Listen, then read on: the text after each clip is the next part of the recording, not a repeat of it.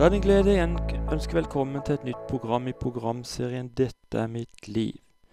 I dag er jeg, Jørgen Reinertsen, på Ungdom i oppdrag sitt hovedkvarter på Grimerud gård på Ottestad i Stange kommune, som ligger rett ved Norges største innsjø, Mjøsa. Og jeg sitter i stua hos Alf Magnus. Han har jo leda Ungdom i oppdrag i 23 år, og velkommen som gjest, Alf Magnus. Takk i like måte, får jeg si, for du, du er jo sannelig en gjest hos meg i dag. Ja visst er det. Jeg sitter her i stua di og ser utover Mjøsa. Det regner litt i dag, men det er jo et nydelig landskap jeg bor i. Du vet at uh, Alf Prøysen han sa jo det at han kunne bo hvor som helst i verden, bare han kunne se Mjøsa. Så jeg får vel si meg enig med han. ja, veldig flott der. Det er det virkelig. Eh, Alf Magnus, kan ikke du starte helt i forbegynnelsen av ditt liv? Fortelle hvor du ble født og oppvokst. ja, jeg husker jo ikke så veldig mye av det, men jeg etter sigende ble født på Drammen sykehus 13.10.1944. Altså mot slutten av krigen. Etter en trang fødsel, fortalte min mor. Eh, men etter det så har jeg jo da levet opp, og levet godt. Eh, så jeg går Jeg blir snart 74 år. Og Ja, du er en aktiv kar for det. Ja, jeg, jeg, det, det, er rart med det, vet du, når du Folk sier liksom eh, gamle dager, eh, og mener kanskje da 50-60 år siden, men det var jo i går. Det lever inni deg som en realitet. Så nei. Det er ikke noen gamle dager for meg, nei. nei um, hvordan var barndommen din? Jeg vil si det at uh, kanskje min generasjon, vi som vokste opp etter krigen, vi må vel ha valgt den aller beste tiden å vokse opp i. Det var fred og frihet og trygghet. og Jeg vokste opp i Bærum utenfor Oslo. Og vi låste aldri ytterdøren, og det var jo Kriminalitet var en sjelden gang at det skjedde et mord i Norge. Så det var velstand. Norge ble rikere og rikere, og Nei, det, det, det var en fenomenal tid å vokse opp i. Trygt på alle måter. Ikke noe narkotika, ikke Internett. Det er jo et tveget sverd. Det er jo mye bra med det, men det er også uendelig mye negativt som følger med. Så jeg vil si at oppveksten min, den, den var fenomenalt bra. Mm. Hva gjorde du etter grunnskolen? Ja, da gikk jeg jo videre på det som nå heter etter hvert videregående, og etter det så dro jeg i, i militæret, som de aller fleste i min generasjon måtte gjøre. Og jeg husker jeg sa til meg selv at uh, ett år av mitt liv, det skal ikke være bortkastet. Det, det skal jeg gjøre mest mulig ut av. Så jeg, jeg syns jeg hadde en fantastisk tid der òg, jeg. I, I brigaden i Nord-Norge, blant annet. Og jeg husker vi var på en enormt kald vinterøvelse i Indre Troms. Og jeg var liaison med et amerikansk Rifle Company fra Tyskland i en stor øvelse som het Cold Winter 65. og den amerikanske Sersjanten han satt på ryggsekken og gråt. Det var, det var så kaldt, og, og, og, nordlyset flammet over himmelen som jeg aldri har sett det, verken før eller siden. Som om det var en med en stor lyskaster i himmelen som feide over landskapet. Og vi bare tellet dagene. Det er så mange dager igjen. Det er fem dager igjen, det er fire dager igjen. Og jeg husker igjen en natt jeg hadde glemt uh, å ta beksestøvlene inne i soveposen, og de var som glass om morgenen. Og en dag hadde jeg ingen følelse i føttene, satt med dem over gassflammen og tenkte oi, oi.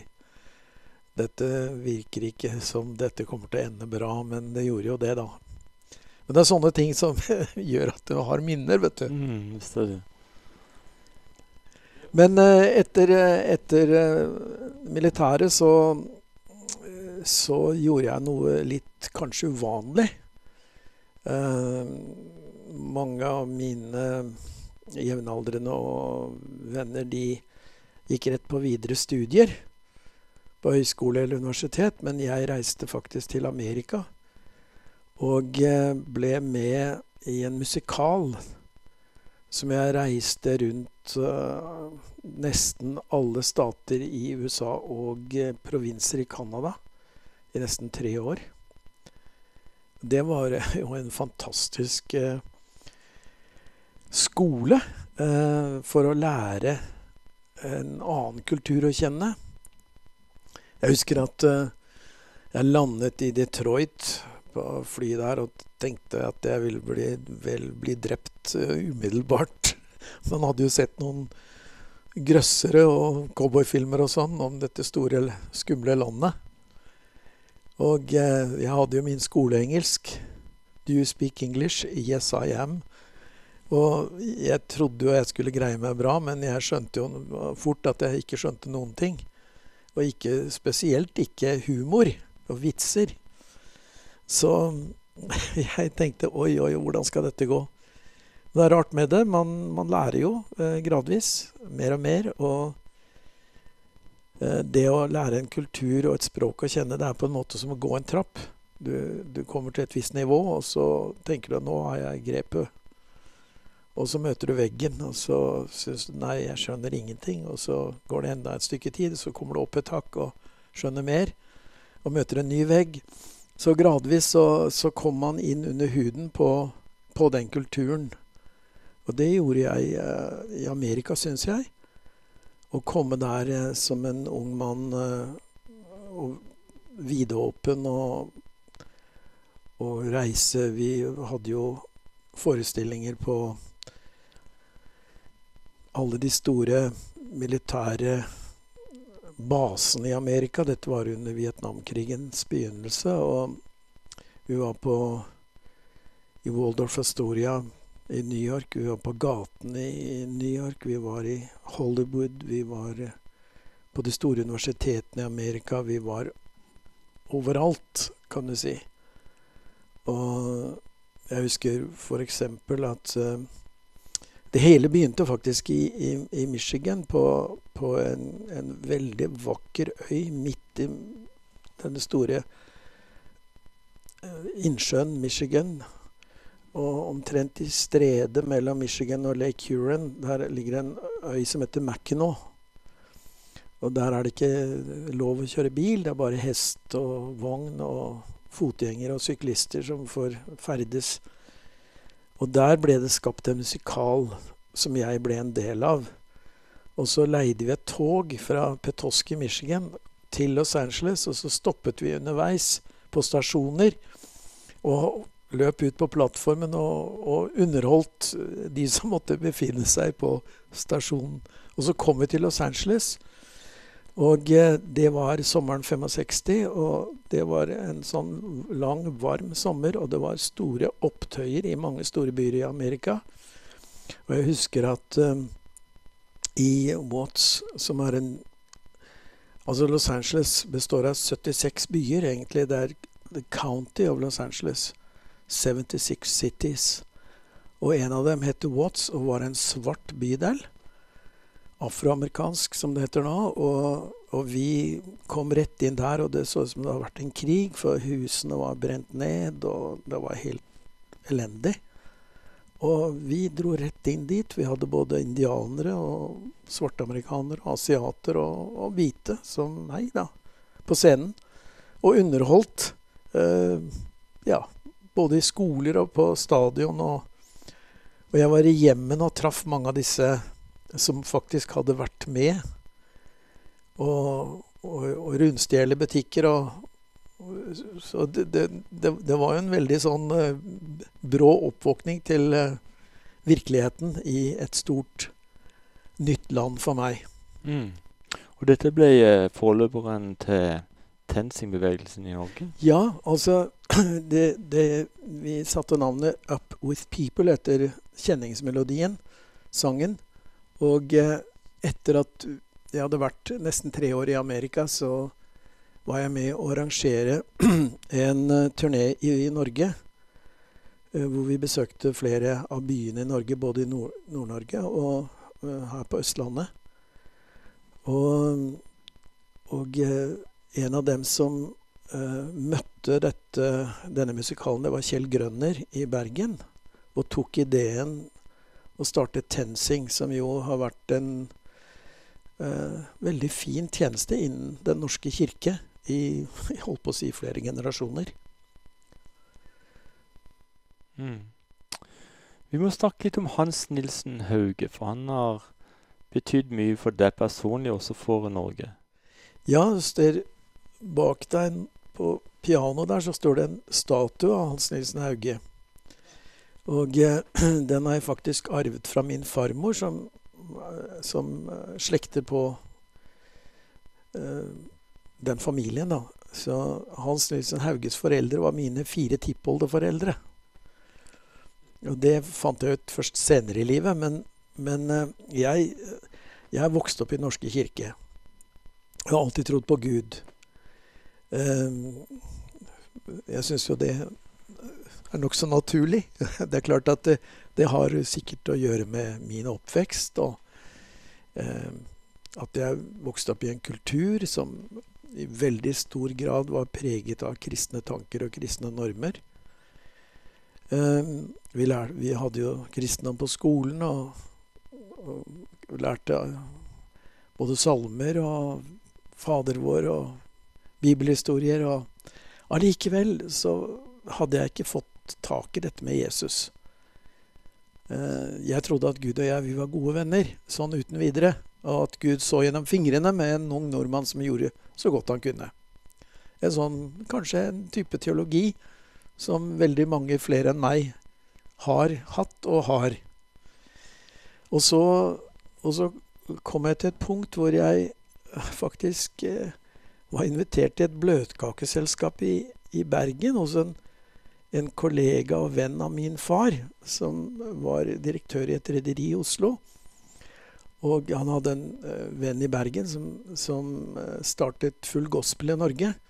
Og han inviterte meg i et selskap. Og jeg har alltid vært glad i bløtkake, er det fortsatt. Og det var vanskelig å avslå.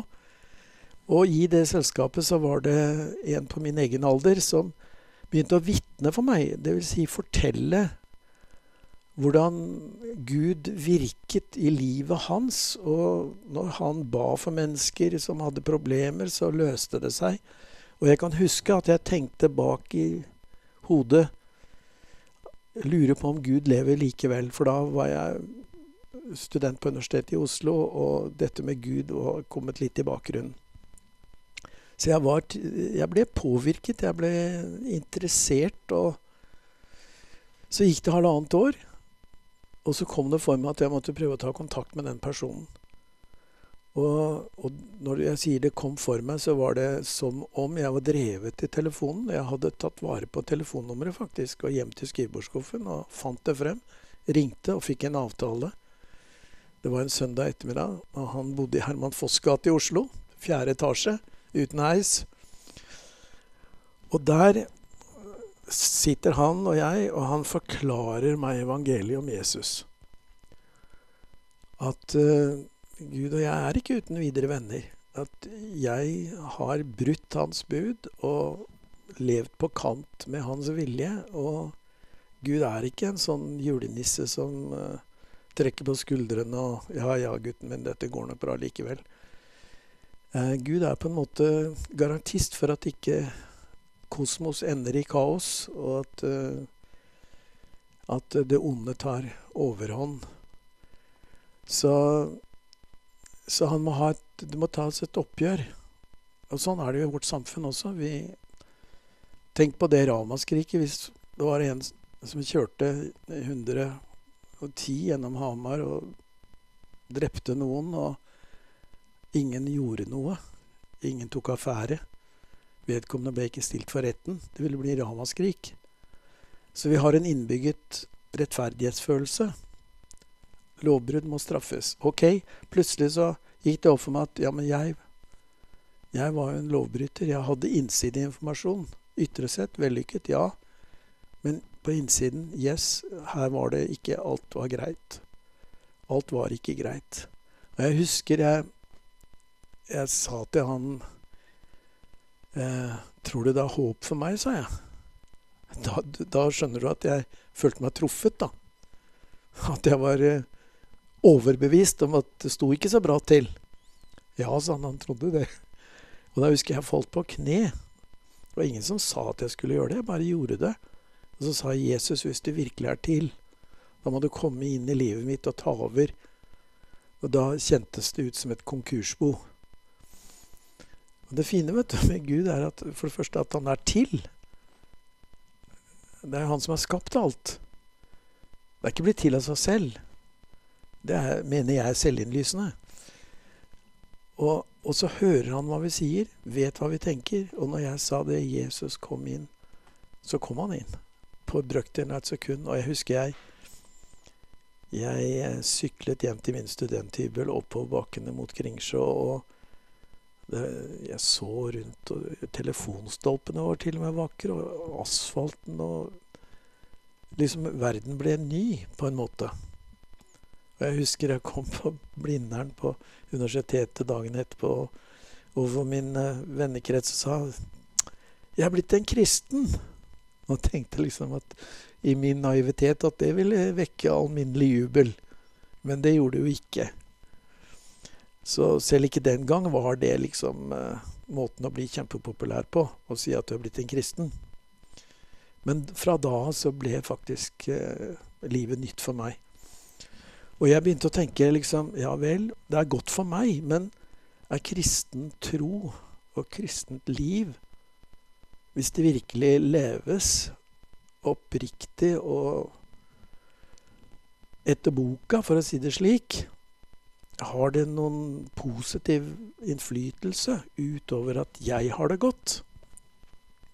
Og så begynte jeg å tenke på dette med Kan vi se spor av kristendom i vårt eget folk og, vår egen historie? Og slik så kom jeg over dette med Hans Nilsen Hauge.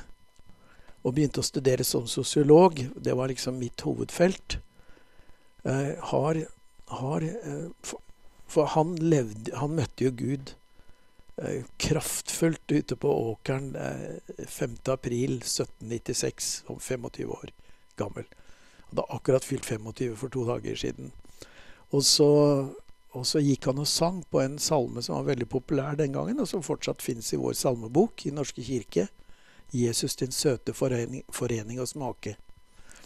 Og når han kom til det andre verset, så er det en strofe som lyder omtrent som slik at meg over mitt er jeg gjerne vil miste, om du alene i sjelen vil bo.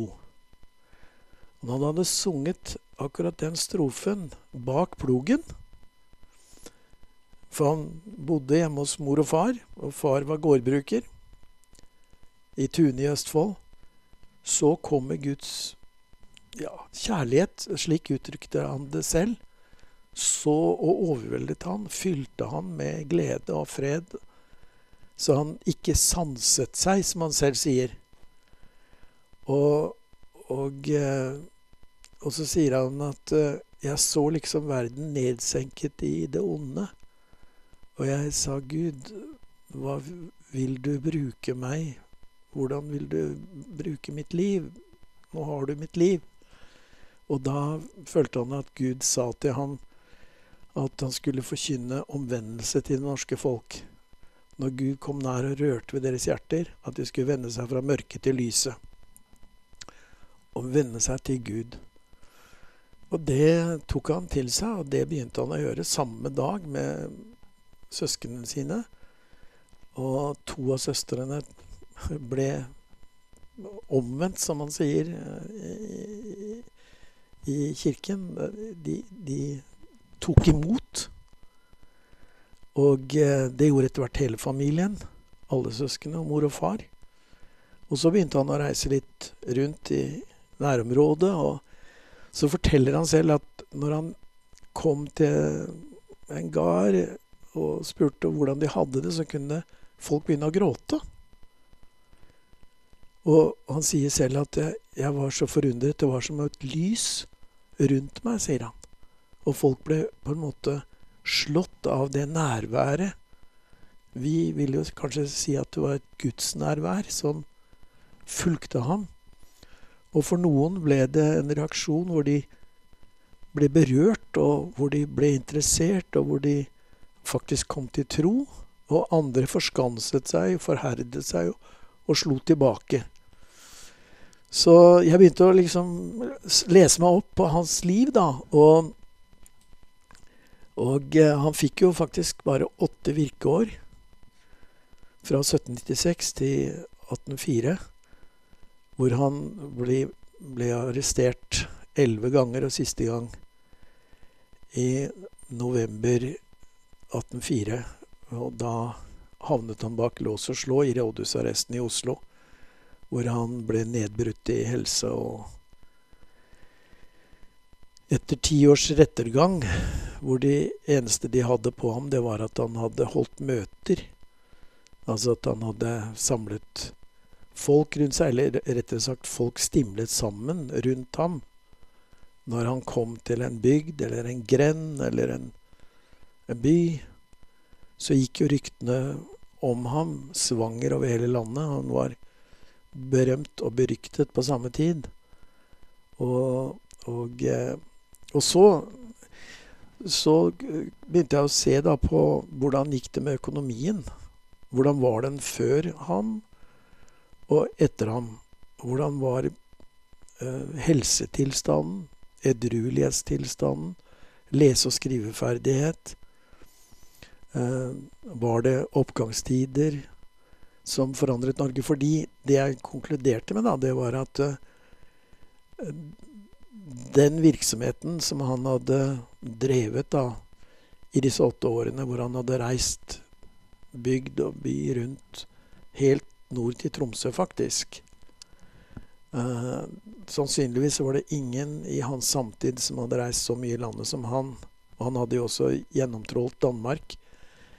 Og han var en praktiker. Han kom til en gard og hjalp gjerne til. Og så sa han men dere burde gjøre sånn og sånn. Og det fins andre redskaper som er mer nyttige, osv. Så, videre. så han, han var en impulsformidler innenfor landbruket. Ni tiendedeler av Norges befolkning på litt under en million var bønder. Så dette var jo primært en bondevekkelse som fulgte eh, hans forkynnelse.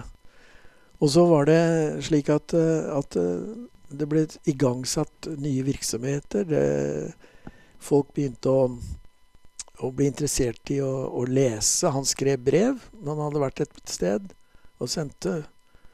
Og så satt de der og tittet på dette her og hadde lyst til å svare. og og lærte seg å skrive ved å etterligne hans håndskrift. Jeg har sittet på Norsk Kjelleskriftinstitutt og lest haugianerbrev i avskrift. Over 600. Og de som, av bøndene som kunne skrive den gangen, de hadde ofte lært å skrive ved å kopiere eller etterligne hans håndskrift. Og så skrev han bøker. Og de kom ut i et opplag av ja, kanskje 250 000 i en befolkning på litt under en million. Han var jo Norges mest leste forfatter, uh, og, og, dette satte jo tanker videre i, sving. Så min konklusjon, da, for å ta det, så, så vil jeg si at det førte til uh, en bedring av uh, nordmenns helse, kunnskap, tiltakslyst ja, på, egentlig på, på, alle livsområder. Og jeg husker jo at uh, en av mine sensorer var marxist-leninist. Han kalte seg til og med stalinist.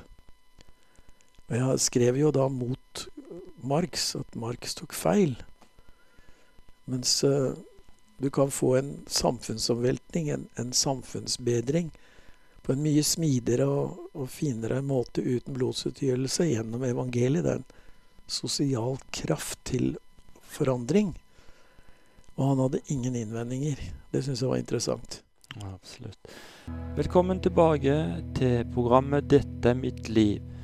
I dag sitter jeg i Stange i eh, Hedmark kommune hos eh, tidligere leder i Ungdom i oppdrag, Alf Magnus. Alf Magnus, du må dele hvordan starta ditt virke i Ungdom i oppdrag? Det hadde jo egentlig sammenheng med det jeg fortalte deg til å begynne med her. Eh, den personen jeg møtte som fortalte meg om hvordan Gud virket gjennom livet hans, det var en av de som startet Ungdom i oppdrag. Så når jeg da selv kom til tro, eller fikk et trosgjennombrudd, om du vil, så ble det nokså naturlig for meg å slutte meg til den lille gjengen i Oslo som var starten på Ungdom i oppdrag i 1972. Så jeg har egentlig hørt til i denne, denne gjengen her siden starten frem til i dag. Nå blir du leder. Ja, eh, etter endt Jeg får ta det. Etter endt studier eh, på universitetet så så dro eh, kona mi og jeg til Amerika et år. Og så kom vi hit til Grimrud gård i 1979. Og da ble vi boende her til dag, dagen i dag. Og jeg ble leder i 1986. Ja, du har vært leder der i 23 år. Ja. Hva, eh, hva opplevde dere i den tida? ja. Eh, å fortelle et par setninger om 23 år, det, det lar seg jo ikke gjøre. Men eh, eh, jeg vil jo si at eh, i dag så så er det et uh, veldig bra samarbeidsklima mellom uh, men kristne menigheter og organisasjoner på en helt annen måte enn det var den gangen. Da var det nok mer holdt på å si vanntette skott mellom de ulike kristne organisasjoner og lag. Og vi var jo på en måte en nykommer. Uh, og det, det, Vi har alle sammen mennesker en, en iboende motvilje mot alt nytt. Uh, vi er skeptiske. Og, og, jeg tror nok at, uh, at vi møtte en god del skepsis og undring. og Hvem er nå disse folkene her, og er de troverdige, og hva er det de holder på med? Og, eh, så jeg, jeg syns nok, hvis jeg skal være dønn ærlig og se tilbake, så, så var det oppoverbakke eh, hele tiden. Og eh, den fremgangen vi etter hvert fikk, den, den måtte vi slåss for, syns jeg. Fra centimeter til centimeter. Men eh, man, man Eh, man sa jo liksom at eh, litt sånn spydig at ja, vi var eh, kirkens lette tropper. Eh, for vi begynte med korttidsmisjon. Og, og, det var jo ikke seriøst. Eh, men eh, i dag så er vi kanskje den organisasjonen i Norge som har flest misjonærer ute. Eller vi er i hvert fall ja, ligger omtrent likt med Norsk Luthersk Misjonssamband når det gjelder antall utsendte arbeidere i andre land. Og eh, gjennomsnittlig så er våre misjonærer ute i ni år. Så det som begynte som korttidsmisjon, det ble langtidsmisjon. Og det, det, er, vet du eh, Det er vanskelig å, bevege en skute som ligger for eh, anker, eller som ligger fortøyd til, til kaia. Men kan du få den løs og i gang, så, så, så, er, så, så skjer det noe.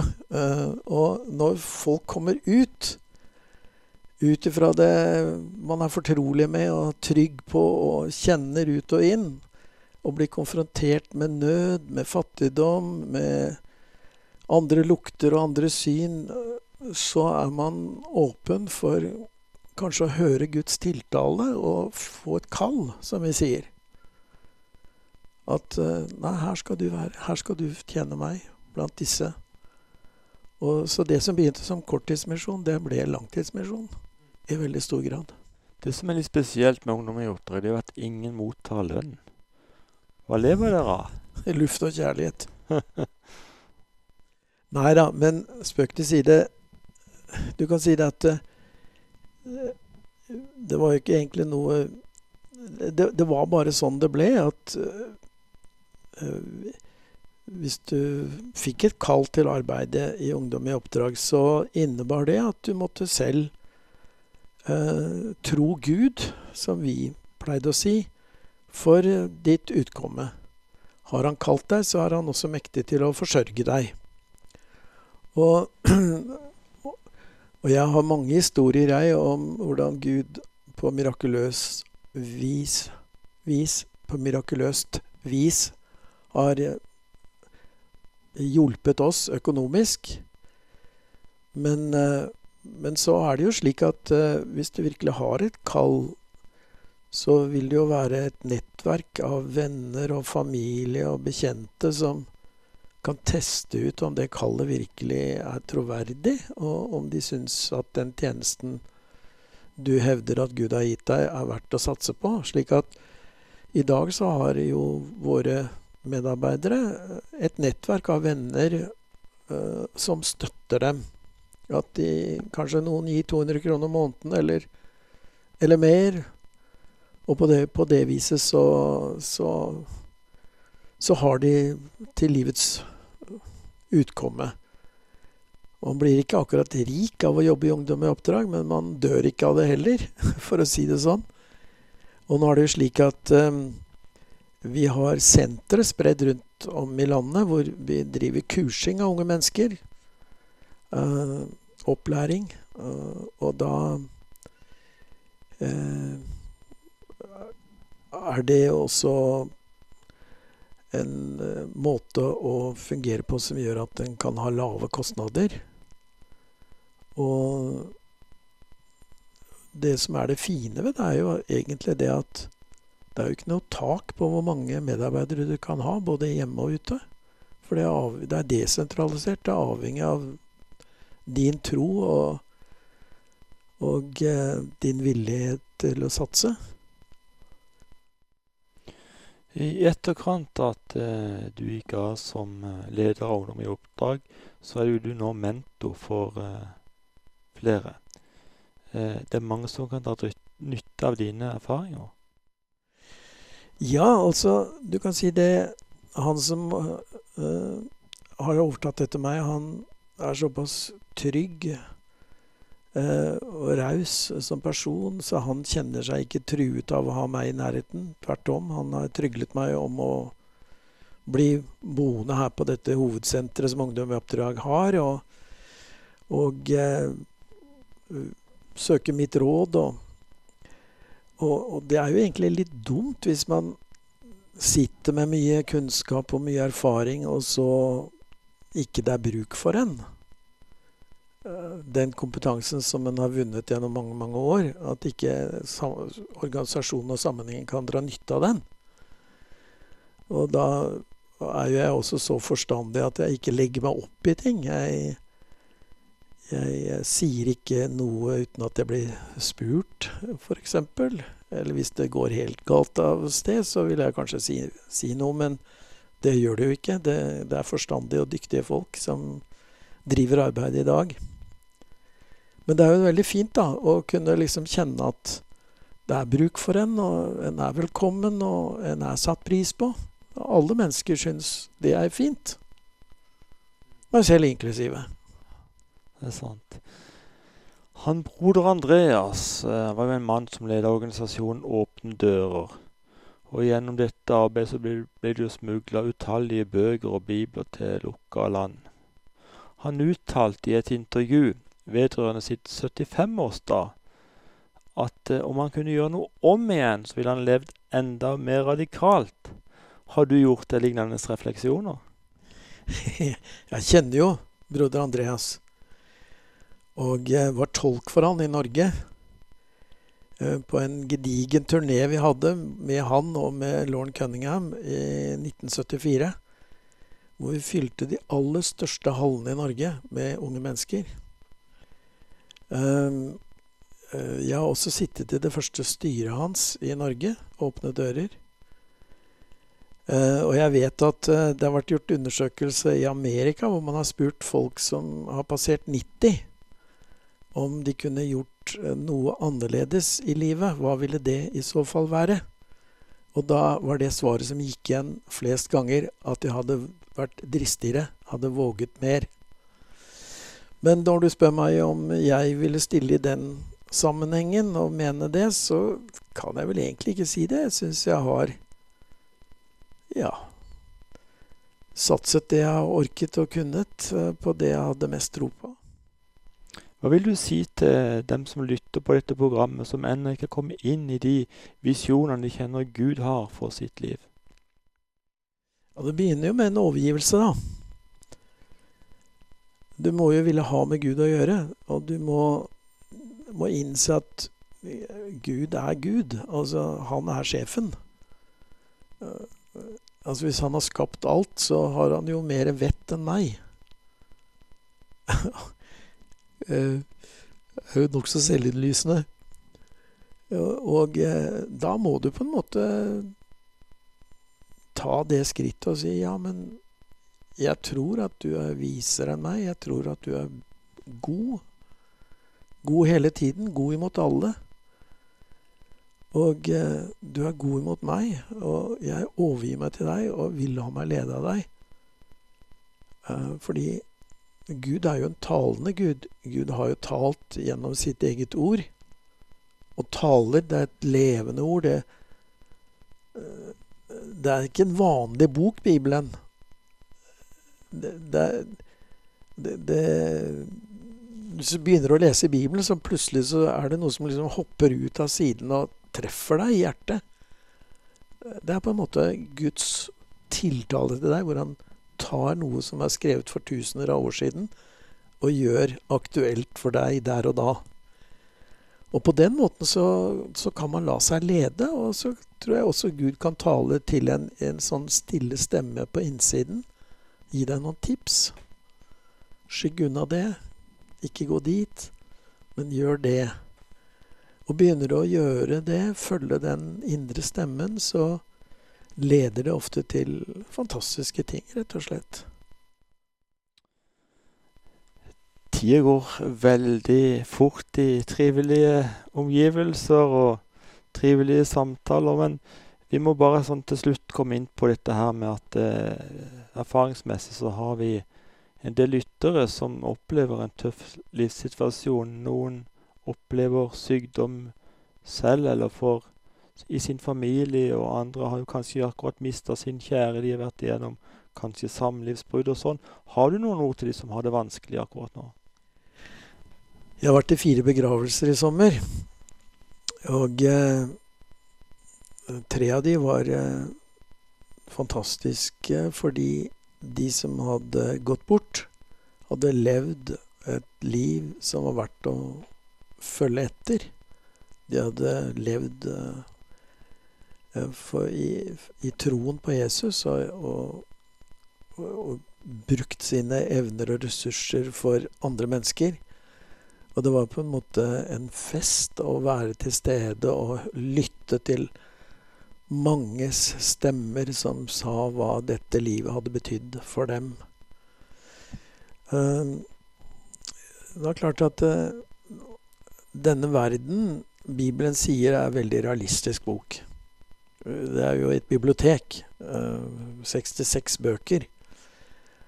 Og den er veldig sannferdig. Den, den, forteller på godt og vondt om mennesker som har levd før, hva de har tenkt og hva de har gjort. Så det er veldig realistisk. Man kan kjenne seg igjen. Og uh, det er vel ingen som liksom går helt klar av uh, vanskeligheter i livet. For Bibelen sier at denne verden ligger i det onde. Det er, det er, på en måte en ond makt som har et grep om tilværelsen, som eh, er ansvarlig for veldig mye av uhyggen, krigen, elendigheten som denne verden er preget av. Og ingen av oss går klar. Jeg har selv uh, vært syk, uh, alvorlig syk, uh, flere ganger, og hatt kreft. Og, så jeg tror veldig få går helt klar av å oppleve tøffe ting i livet. Men jeg vil si det at det er ingenting som kan måle seg med det å, å overgi seg til Gud og sette sin lit til Gud. Og det å, å be til en allvitende, omsorgsfull, barmhjertig Gud som vil være min far, og din far, du som lytter, og overgi sitt liv i hans hender og stole på han. Vet du hva? Jeg hadde en drøm en gang. Da skal man ikke legge altfor mye drømmer. Men noen drømmer eh, står helt spesielt i erindringen. Og det her var en drøm jeg hadde Vi var faktisk i Finland, og jeg underviste ektepar. Og så en natt så, så drømmer jeg, og, og, da sier Gud til meg 'Alf', sier han. Det var jo godt at han vet mitt navn. Det var betryggende. Jeg ber deg om to ting. Ja vel, tenkte jeg inni meg mens jeg i drømme opplever dette. Så tenkte jeg, hva, hva er det han ber meg om, mon tro? Sikkert noe vrient eller vanskelig. Men jeg kom ikke på hva det kunne være. Og så kom det. Stol på meg og vær min venn. Og jeg fikk i drømme hakeslepp. Jeg tenkte hæ? Er det alt? Er det essensen av det å være en kristen? Stole på Gud og være hans venn? Ja, men ja, det vil jeg jo si ja til. Ja, sa jeg da i drømme. Og så våknet jeg med en, i en slags gledesrus, om du vil. Bare kjente at bølge på bølge av lykke og glede strømmer gjennom meg. En merkelig drøm. Men jeg tror på en måte at uh, det er noe av det Gud vil si til hver enkelt. Ja. Stol på meg og vær min venn. Altså, Gud vil være nær. Han skapte oss for å ha fellesskap med oss. Vi er betydningsfulle for ham. Det er en merkelig tanke. At vi, skrøpelige mennesker, betyr noe for Gud. Men det var jo derfor han sendte Jesus. Han så vårt dilemma. Han så at vi strevde med synd. Vi strevde med så mange ting som vi ikke greide å håndtere. Og så sendte han sin egen sønn det må jo bety at han elsker oss. At han vil vårt beste. At han vil hjelpe oss. At han vil tilby en tilværelse med seg som aldri vil ta slutt. Selv etter dette livet så følger evigheten.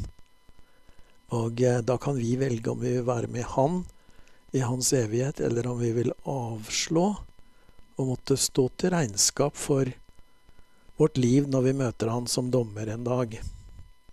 Det er nok ingen gunstig situasjon å komme i. Det såpass skjønte jeg den gangen i oktober 1972, da jeg forsto evangeliet og sa ja til Jesus. Så summa summarum, du må, må innse det at uh, ditt liv er kortvarig. Og evigheten er veldig lang, og du har denne anledningen til å bestemme hvor den evigheten skal tilbringes. Og den kan begynne her og nå, og det var det Gud inviterte meg til. Alf, vær min venn, og stol på meg. Jeg husker jeg tenkte den gangen ja, det er jo lett. Men det er ikke så lett å stole på Gud. Jeg kan ikke se han. Jeg kan ikke liksom fornemme ham med mine fysiske sanser. Men jeg har Guds ord, og jeg har Guds ånd, som kommer og flyttet inn i meg den gangen. I løpet av tiendedel av et sekund, som jeg fortalte. Og de Guds ånd og Guds ord, de samarbeider, for å si det sånn, for å gi meg liv, gi meg retning, gi meg visdom, gi meg kunnskap, gi meg styrke. Hjelper meg når det er tunge tak. Og det er det. Det er ikke noe grunn til å legge skjul på det. Vi opplever vel det alle sammen, ja. Alf Magnus, vi er kommet til veis ende i dette programmet. Hjertelig takk for din velvilje til å stille som gjest i denne programserien som heter 'Dette er, liv. Dette er mitt liv'. Og, og hjertelig takk for hva du har betydd for mange nordmenn og mennesker også i utlandet, for ditt virke da i Ungdom i oppdrag. Må Gud rikelig velsigne deg, din familie og din tjeneste også i årene framover, for du er fortsatt en aktiv mann, som vi sa i innledningen. Mitt navn er Jørgen Reinersen. Neste uke er jeg tilbake på samme tid og på samme kanal med en ny, spennende gjest i studio. Om du har lyst til å lytte til tidligere innspilte programmer i denne serien, kan du gå inn på vår hjemmeside 9010.no. Dette skrives nitti10.no. Følg meg gjerne også på Facebook. Mitt navn er altså Jørgen Reinertsen. Håper vi høres neste uke. Vi takker for i dag og ønsker deg det beste av alt Guds velsignelse.